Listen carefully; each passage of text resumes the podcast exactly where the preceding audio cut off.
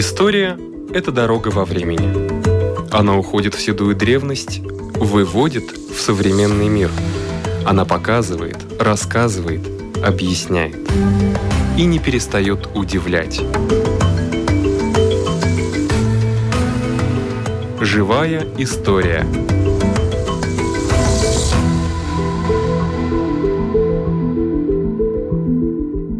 У микрофона Лидия Чера.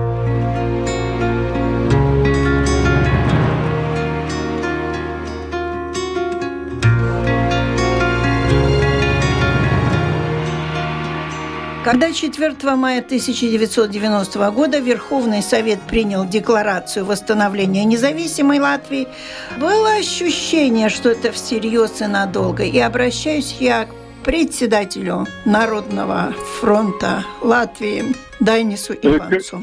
Добрый день. Конечно, было. Это очень сильные чувства – мы поняли, что мы все-таки совершаем что-то историческое, потому что вообще-то для нас 4 мая началось уже в 3 мая, когда мы, депутаты Народного фронта, пошли на братское кладбище, и там как бы сдали такую торжественную клятву своим предкам, что мы будем восстановить независимость Латвии, которую она потеряла в результате оккупации.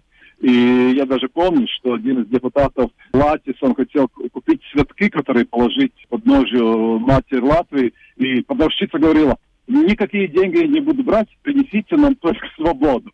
И, конечно, вот этом торжественном чувстве мы начали 3 мая работать, и 4 мая было роконосное голосование, которое, может быть, если так прагматик э, смотрит на это, ну, может быть, ничего особенного не случилось, потому что вся эта советская ряхлая экономика существовала. Армия, советская армия тоже была здесь. Находилась, Но мы первые, да, находилась, находилась здесь. Да. Балтийский военный округ. Ну, как бы ничего, мы только проголосовали. Но на улицах, и это можно видеть теперь в исторических фотографиях, и никогда не видел столь много людей с счастливыми лицами, даже слезами счастья.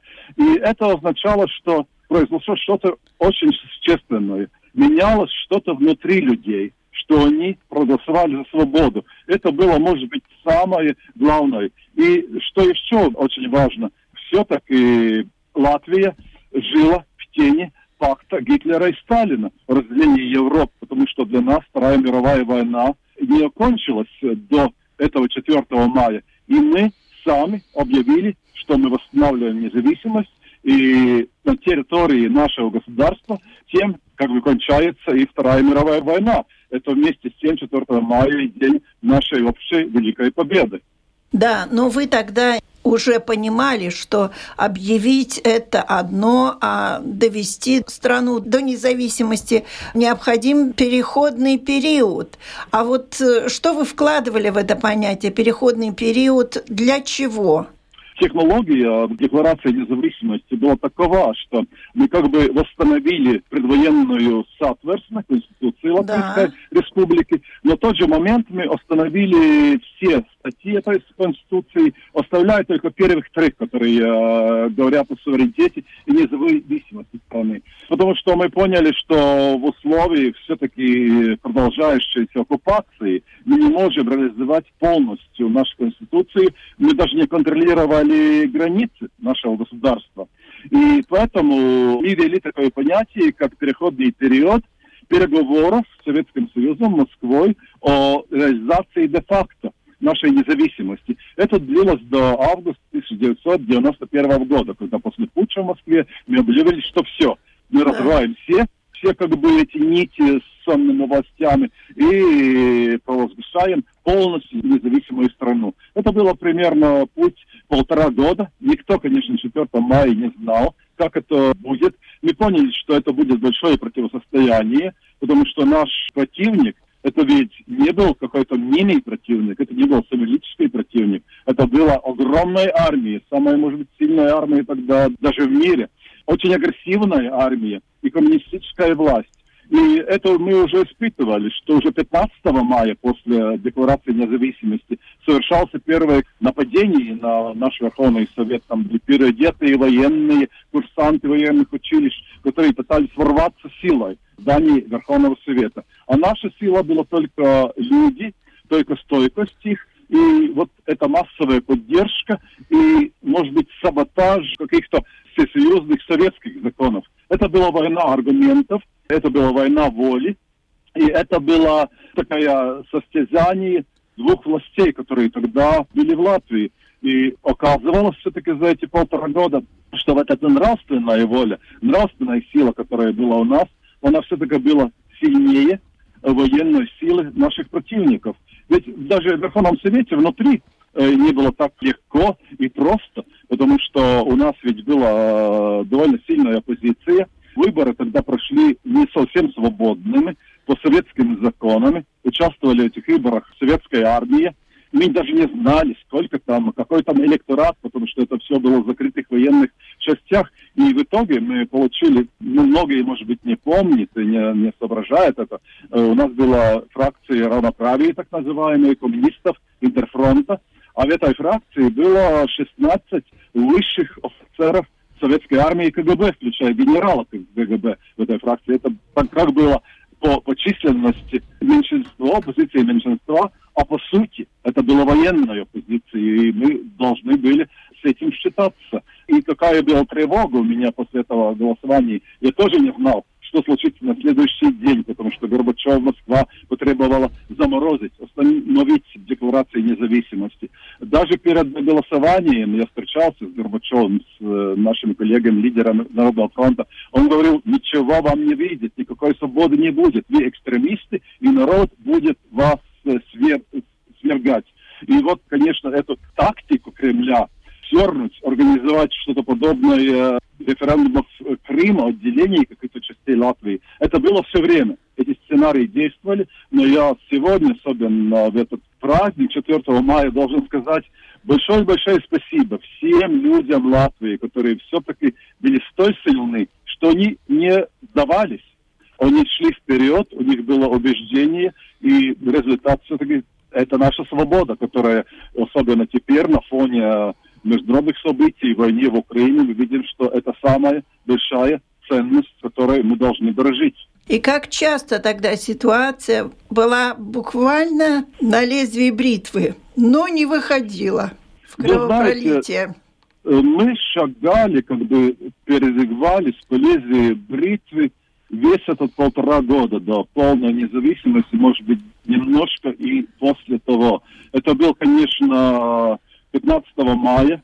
Это первый штурм Верховного Совета, который кончился неудачей, потому что перед этими военными стали наш хор, наши невооруженные люди, которые пели и простояли это. А там был даже анекдот небольшой, что где-то в час дня мы увидели, что распорился весь весь этот а, армии нападающих. И оказалось, что это время в армейской части дают обед.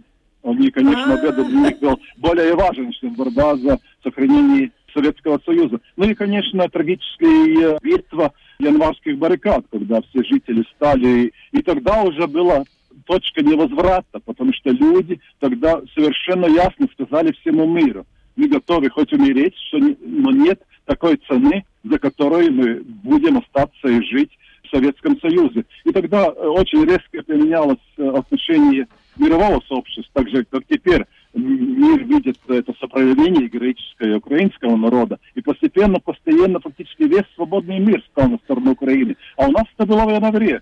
Э, я сам был по мандату Верховного Совета послан искать помощь Соединенных Штатов Америки, и увидел, что после этих конфликтов, вооруженного нападения на наших людей в Риге, резко менялось отношение к нам американского общества. И даже в американской газете, самой большой газете мира, The New York Times, 24 января появилась статья Вильяма Сафайра, американского писателя, который говорил, американцы, смотрите, в эту ночь свою кровь на дерево свободы, которое нужно нам всем, лили латыши, латвийское общество, мы должны им помогать. И тогда уже, это, конечно, не была военная помощь, это было невозможно в то время, но вот вся моральная, политическая помощь, давление на Кремль, все началось тогда уже. Тогда явилось слово санкции, которое мы как бы забыли до украинских событий, но это был первый раз после окончания холодной войны, холодная война была как бы подходе к окончании, когда уже и Америка, и многие западные страны ввели санкции э, Кремля. И, конечно, январь был связан войной в Кувейте, когда Кремль думал, что вот на фоне этой войны как бы мировое сообщество не увидит нас.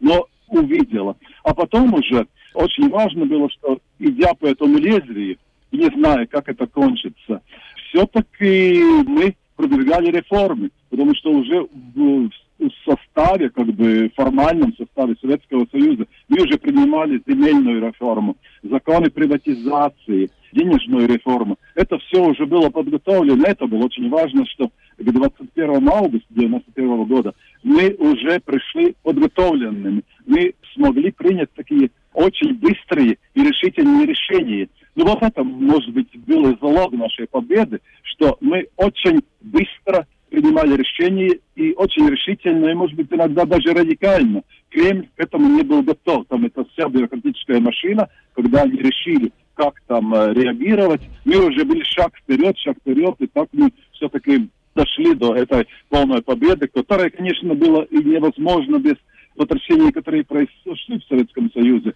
Я помню, что вот 4 мая, тогда этот праздничный день, у нас ведь были наши друзья, э, делегаты, на нас смотрела весь тогдашний бывший Советский Союз. Украинцы с таким, может быть, завистью смотрели на нас. Грузины там были, и русские демократы. Это действительно был такой большой шанс это литовцы смотрели, Ландсбергис даже приехал к вам, потому что Литва декларировала независимость 11 марта против них уже начались экономические санкции, и все в мире поняли, если мы отступим и не будем голосовать за независимость, будет разрушено Балтийское единство, единство оппозиции в Советском Союзе, и ничего не получится и литовцам. Но это было для нас очень важно, э, морально понять, что мы все-таки в одном строю литовцами и эстонцами идем вперед и идем до победы. Но, как говорят, быстрые решения иногда бывают не совсем правильные решения. А вот если бы вам жизнь дала второй шанс пережить эти события еще раз, были какие-то, может быть, мелочи, в которых вы бы поступили бы чуть иначе – никогда не задумывались. Я понимаю, что перед вами все эти воспоминания стоят, и вы их ощутимо чувствуете. Но было бы что-то такое, что хотелось бы сделать вот чуть иначе, может быть? Да, но мы можем, да, это сказать, как было, если бы было. Да. Потому что там невозможно было просчитать каждый следующий э, шаг – я даже знаю, что иногда мне казалось, что я сам лично, работая в каком-то автомате, что кто-то диктует где-то с неба мне эти решения, потому что ты не всегда понимаешь, ты прав или не прав. Но это же относится и к январю 91 -го года. Я ведь где-то полчетвертого я шел на радио, латвийское радио, где я призывал людей идти и защищать нашу новую демократию и свободу. И фактически это могло бы обернуться каким-то кровавыми событиями. Мы не знали, как будет реагировать на это Кремль, это вся Балтийская военный округ. Генерал Кузьмин, который командовал и грозил нам, что он легко справится с нами, что будет стрелять. И все-таки я пришел, и оказалось, что это решение правильное, если было обратно, то, конечно, могло бы все быть иначе. Я даже теперь с таким большим интересом прочел роман Дмитрия Савина надо же теперь на латышском читал, как на русском, русский писатель написал «Завтрак свободной Латвии», где он написал антиутопии, антиутопии. Что случилось бы, если бы не, проголосовали за независимость, и было здесь какое-то квази-независимость в каких-то регионах замороженного конфликта. И знаете, я читал с ужасом эту антиутопию, потому что я понял, что мы все время были миллиметр шага от этого, вот этого ужаса, который, да. которое могло превратиться в Латвию. Так что я считаю, что все-таки просчетов, можно сказать, даже не было. Можно говорить, конечно, о политической ответственности, потому что, ну, я, например, и мои коллеги, но это мы смотрим теперь э, в Украине, я вижу с таким завистью молодых, прекрасных, умных людей. Мне кажется, мы тоже тогда были, но без, без какого-то опыта. Если мы были с каким-то опытом, может быть, мы, мы не решили принять такие радикальные решения. Но теперь я думаю, что эти наши решения должны были быть, может быть, более радикальными, чем они были, особенно в экономике, особенно, может быть, при иллюстрации, при очищении Латвии от этого старого советского мышления и образа, то, что теперь меняется в Украине, очень, очень радикально они принимают решение порвать все с этим советским прошлым, которое их как бы как какой-то якорь Который прошлого. тянет назад, да да, тянет назад и хочет потопить Украину. Вот это, может быть, надо было сделать как бы радикальнее. И, может быть, одна из ошибок, что я, например, ну, я вошел в политике как журналист, и я думал, ну вот, ну это моя обязанность, ну что ты, что ты будешь делать, это война, это война за, за свободу своей страны, и другого шанса не будет. А потом я думаю, это кончится, я моментально уйду из этого всего и возвращусь в свою профессию. И многие мои коллеги, друзья так думали. И мы возвращались как бы обратно. Моментально Петер Слатис стал ректором Академии культуры, которую он сам создал в это переходное время. Я тоже возвратился обратно в журналистику и в кино, где я пишу сейчас сценарии. Мы не подготовили, может быть, такую достойную смену молодого поколения политики. И многие, которым, может быть, не надо было возвращаться туда-обратно, они возвратились. Это затягивало ну, процесс такой и моральной, и экономической, и, может быть, такой э, ну, этической очистки Латвии и строении совершенно нового современного европейского государства. Спасибо вам. У нашего микрофона был председатель Народного фронта Латвии Дайнис Иванс.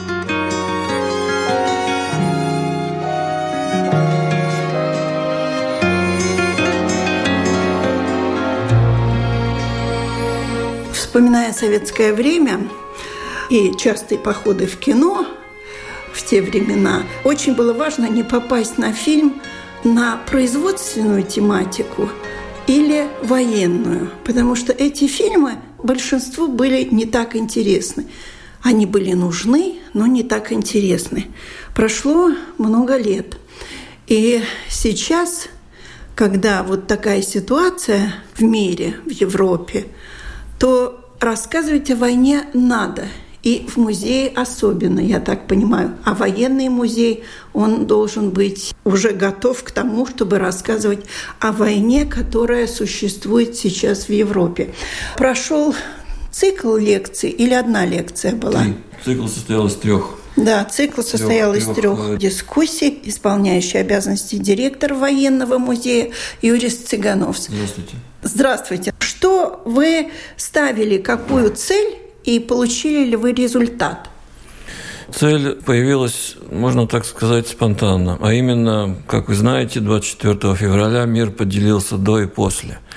А именно это планомерная и полноценная российская агрессия в Украине затронула и наш регион, затронула нас, конечно, не только потому, что сюда потекли беженцы из Украины, но и то, что в принципе, военные действия происходят на машине до Украины заехать можно за одни сутки. Близко. Это близко, это здесь, это всех нас затрагивает.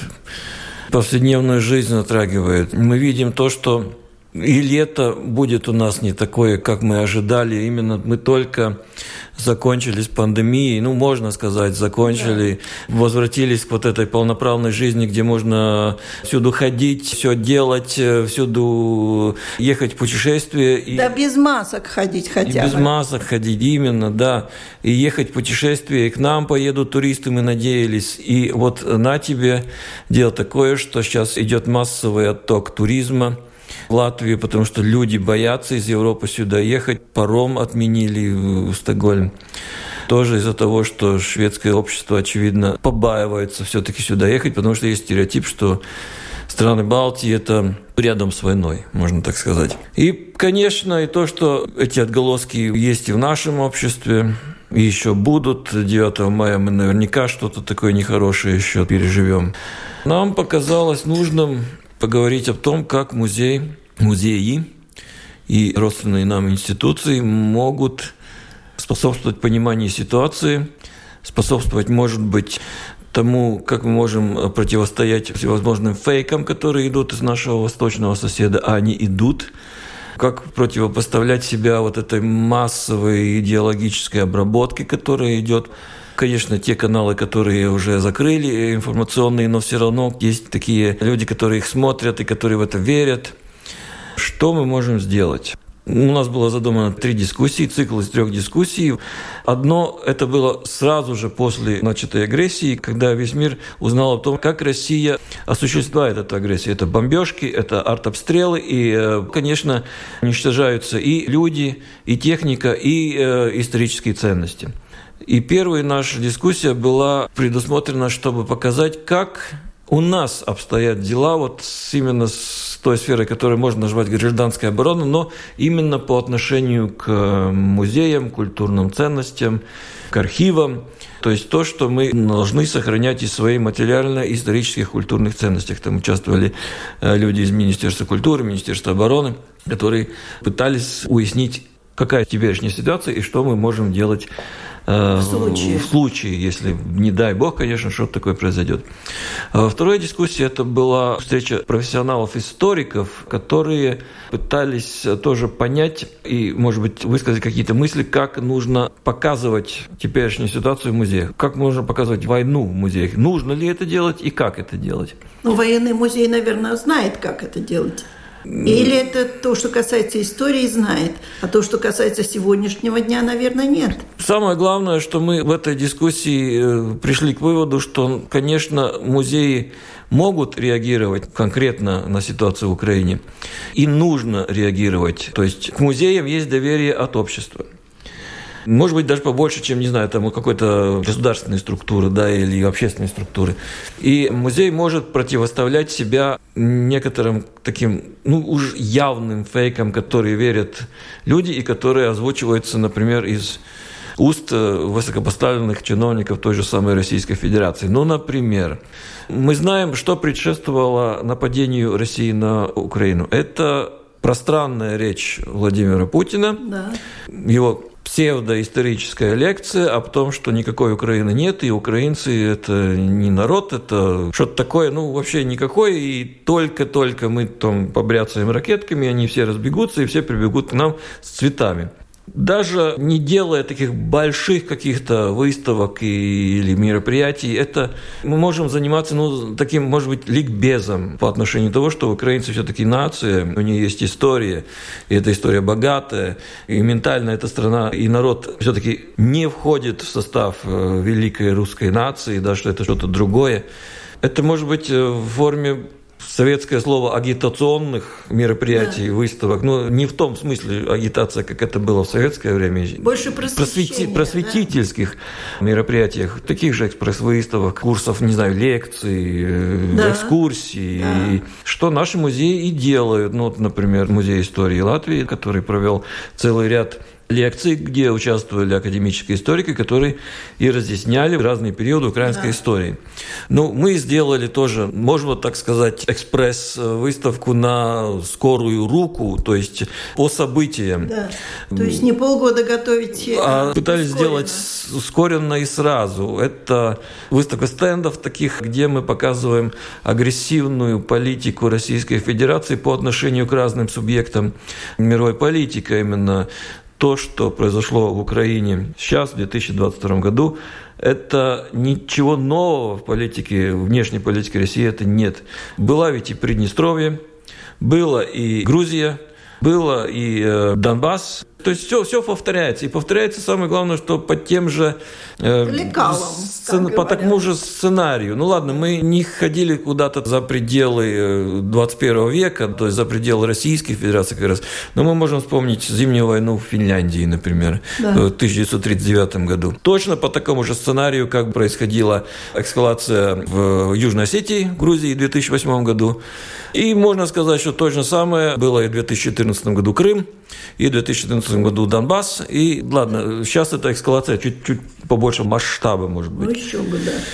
Но по агрессивной риторике и по агрессивным действиям, ну, я думаю, что ну ладно, мы не будем говорить о московской Руси, это чуть другая ситуация, но со времен Ивана Грозного, ну, в принципе, ничего по большому не поменялось в России. Mm-hmm. И Россия по отношению к соседним государствам и по отношению к агрессивной политике России, Руси, Российской империи, Советского Союза и теперь Российской Федерации. И так далее, да. Третья лекция. Ну, это был, можно сказать, экспромт. Это как раз можно назвать дискуссией. Была возможность пригласить выступить перед аудиторией Латвии нашего коллегу из Украины, доцента Института публичного управления города Харькова, доктора исторических наук Антона Мильякова, который любезно согласился прочитать нам одну большую лекцию, которая состоит из нескольких маленьких блоков, об том, какова ситуация сейчас с публичной историей и с исторической памятью вот именно сегодняшней Украине. Не только сейчас, когда идут боевые действия, когда, может быть, это все мероприятие именно изучения истории ну, отошло на второй план, потому что есть, конечно, более актуальные задачи у украинского общества. Но вообще-то постсоветское пространство, особенно ближе к нашим дням, потому что ситуация после 2014 года кардинально поменялась во всем обществе в Украине тоже. 2014 год – это год э, аннексии Крыма, и когда началось событие на Донбассе и Луганщине. Как происходит сейчас разные проявления публичной истории и исследования исторической памяти в Украине на сегодняшний день. Конечно, это была очень сжатая эта лекция, ну, на час. Мы могли бы об этом говорить до пятницы, например, и еще больше, но общая ситуация, конечно, обрисовалась. И мы пытались, тоже эксперты с нашей стороны были, которые пытались сопоставить эту ситуацию в Украине и в Латвии, как у нас, например, с публичной памятью Холокоста дела обстоят, как эта память пересекается, не, не пересекается по исследовательским и разным линиям с исторической памятью об советской оккупации, как происходит исследование этих событий. И, конечно же, в Украине как раз это очень важно, потому что, ну как, вы знаете риторику, как они говорят, северного соседа, но именно России, то, что Украину надо, во-первых, денацифицировать, демилитаризировать и так далее. В Украине все нацисты, фашисты, сволочи и так далее. И, ну, и бандеровцы, да. Ну, хорошо, еще, еще называют не бендеровцы, а бандеровцы, там нету большого понятия людей, что это такое. Ну, короче, все фашисты, все нацисты. И я уже тоже и своему коллеге говорил, что вот риторика нацисты, фашисты, сволочи, это по отношению к нашим государствам, к государствам Балтии, ну, мы точно занимали почетное место в тройке призеров этого дела, а сейчас Украина нас исконкурировала. Да. И именно в украинском обществе это очень-очень важно противопоставить эту так называемую необходимость о денацификации, о том, что нацистов-то в Украине нет. И... Раз нет нации, нет нацистов, по мнению Да, ну по мнению, ну как, ну в украинском обществе, как все говорят, ну извините, ну какой нацизм, если президент страны, извините, евреи, и если эти самые денацификаторы бьют, в том числе и артиллерийскими снарядами и бомбежками обстреливают тот же самый Бабий Яр, например. И возле Харькова там разбомбили памятник жертвам Холокоста. Там наш коллега показывал вот это фотографии этого памятника до попадания артиллерийского снаряда в него, а вот это после. Ребят, ну если вы боретесь с нацизмом, ну зачем вы так делаете? Я так понял, что и для академической части украинских историков это очень-очень важно, именно развеять этот миф о том, что там все поголовно нацики, бандеровцы и так далее. И, и в том числе, что они понимают, конечно, что, ну, например, во Второй мировой войне да, были там пособники нацистов, которые и участвовали в Холокосте и среди украинцев. Да, конечно, это признают. Да, конечно, но нельзя поголовно всех украинцев обвинять в этих преступлениях точно так же, как и у нас. Это параллели с нашими. Конечно, среди нашего населения были коллаборанты, которые участвовали в Холокосте, но это были единицы. Это все-таки не было массовое явление. В Украине то же самое. Так что история переписывается сейчас. Конечно, мы вчера говорили больше о ситуации в Украине. И я бы сказал, что история переписывается. У них они сами, э, наш коллега это признал, что после 2014, а особенно после февраля 2022, то есть после того, как Россия начала агрессию, том числе и историки, во-первых, многие историки сейчас находятся где? С оружием в руках находятся или в рядах вооруженных сил, или в теробороне. То есть они напрямую участвуют в военных действиях, но, как он много раз выразился, что они не говорят после, что в украинском обществе сейчас не говорят после э, окончания войны, а говорят после победы. После победы все это будет, наверное, уже по-другому, в том числе и академическая наука. И можно сказать так, что даже те ярые поклонники России, в том числе в исторической науке, которые пытались оправдывать э, советские преступления, они сейчас как э, тоже говорил коллега, ну, большинство своим перешли линию фронта. То есть находятся сейчас на украинских позициях. И что говорить о военном музее? Там на самом деле сейчас выставка какая-то? Да, на первом этаже у нас есть эта выставка про российскую агрессию, но, конечно, мы продолжаем сейчас действовать в привычном режиме. Мы открыты для посетителей, полностью весь музей. Такими мероприятиями мы как-то пытаемся реагировать все-таки и на ситуацию в мире, на то, что сейчас происходит недалеко от нас, в одном дневном переезде на машине. И мы пытаемся реагировать на эту ситуацию, которая в том числе задевает, ну, я могу сказать, каждого из нас, хотя бы ментально.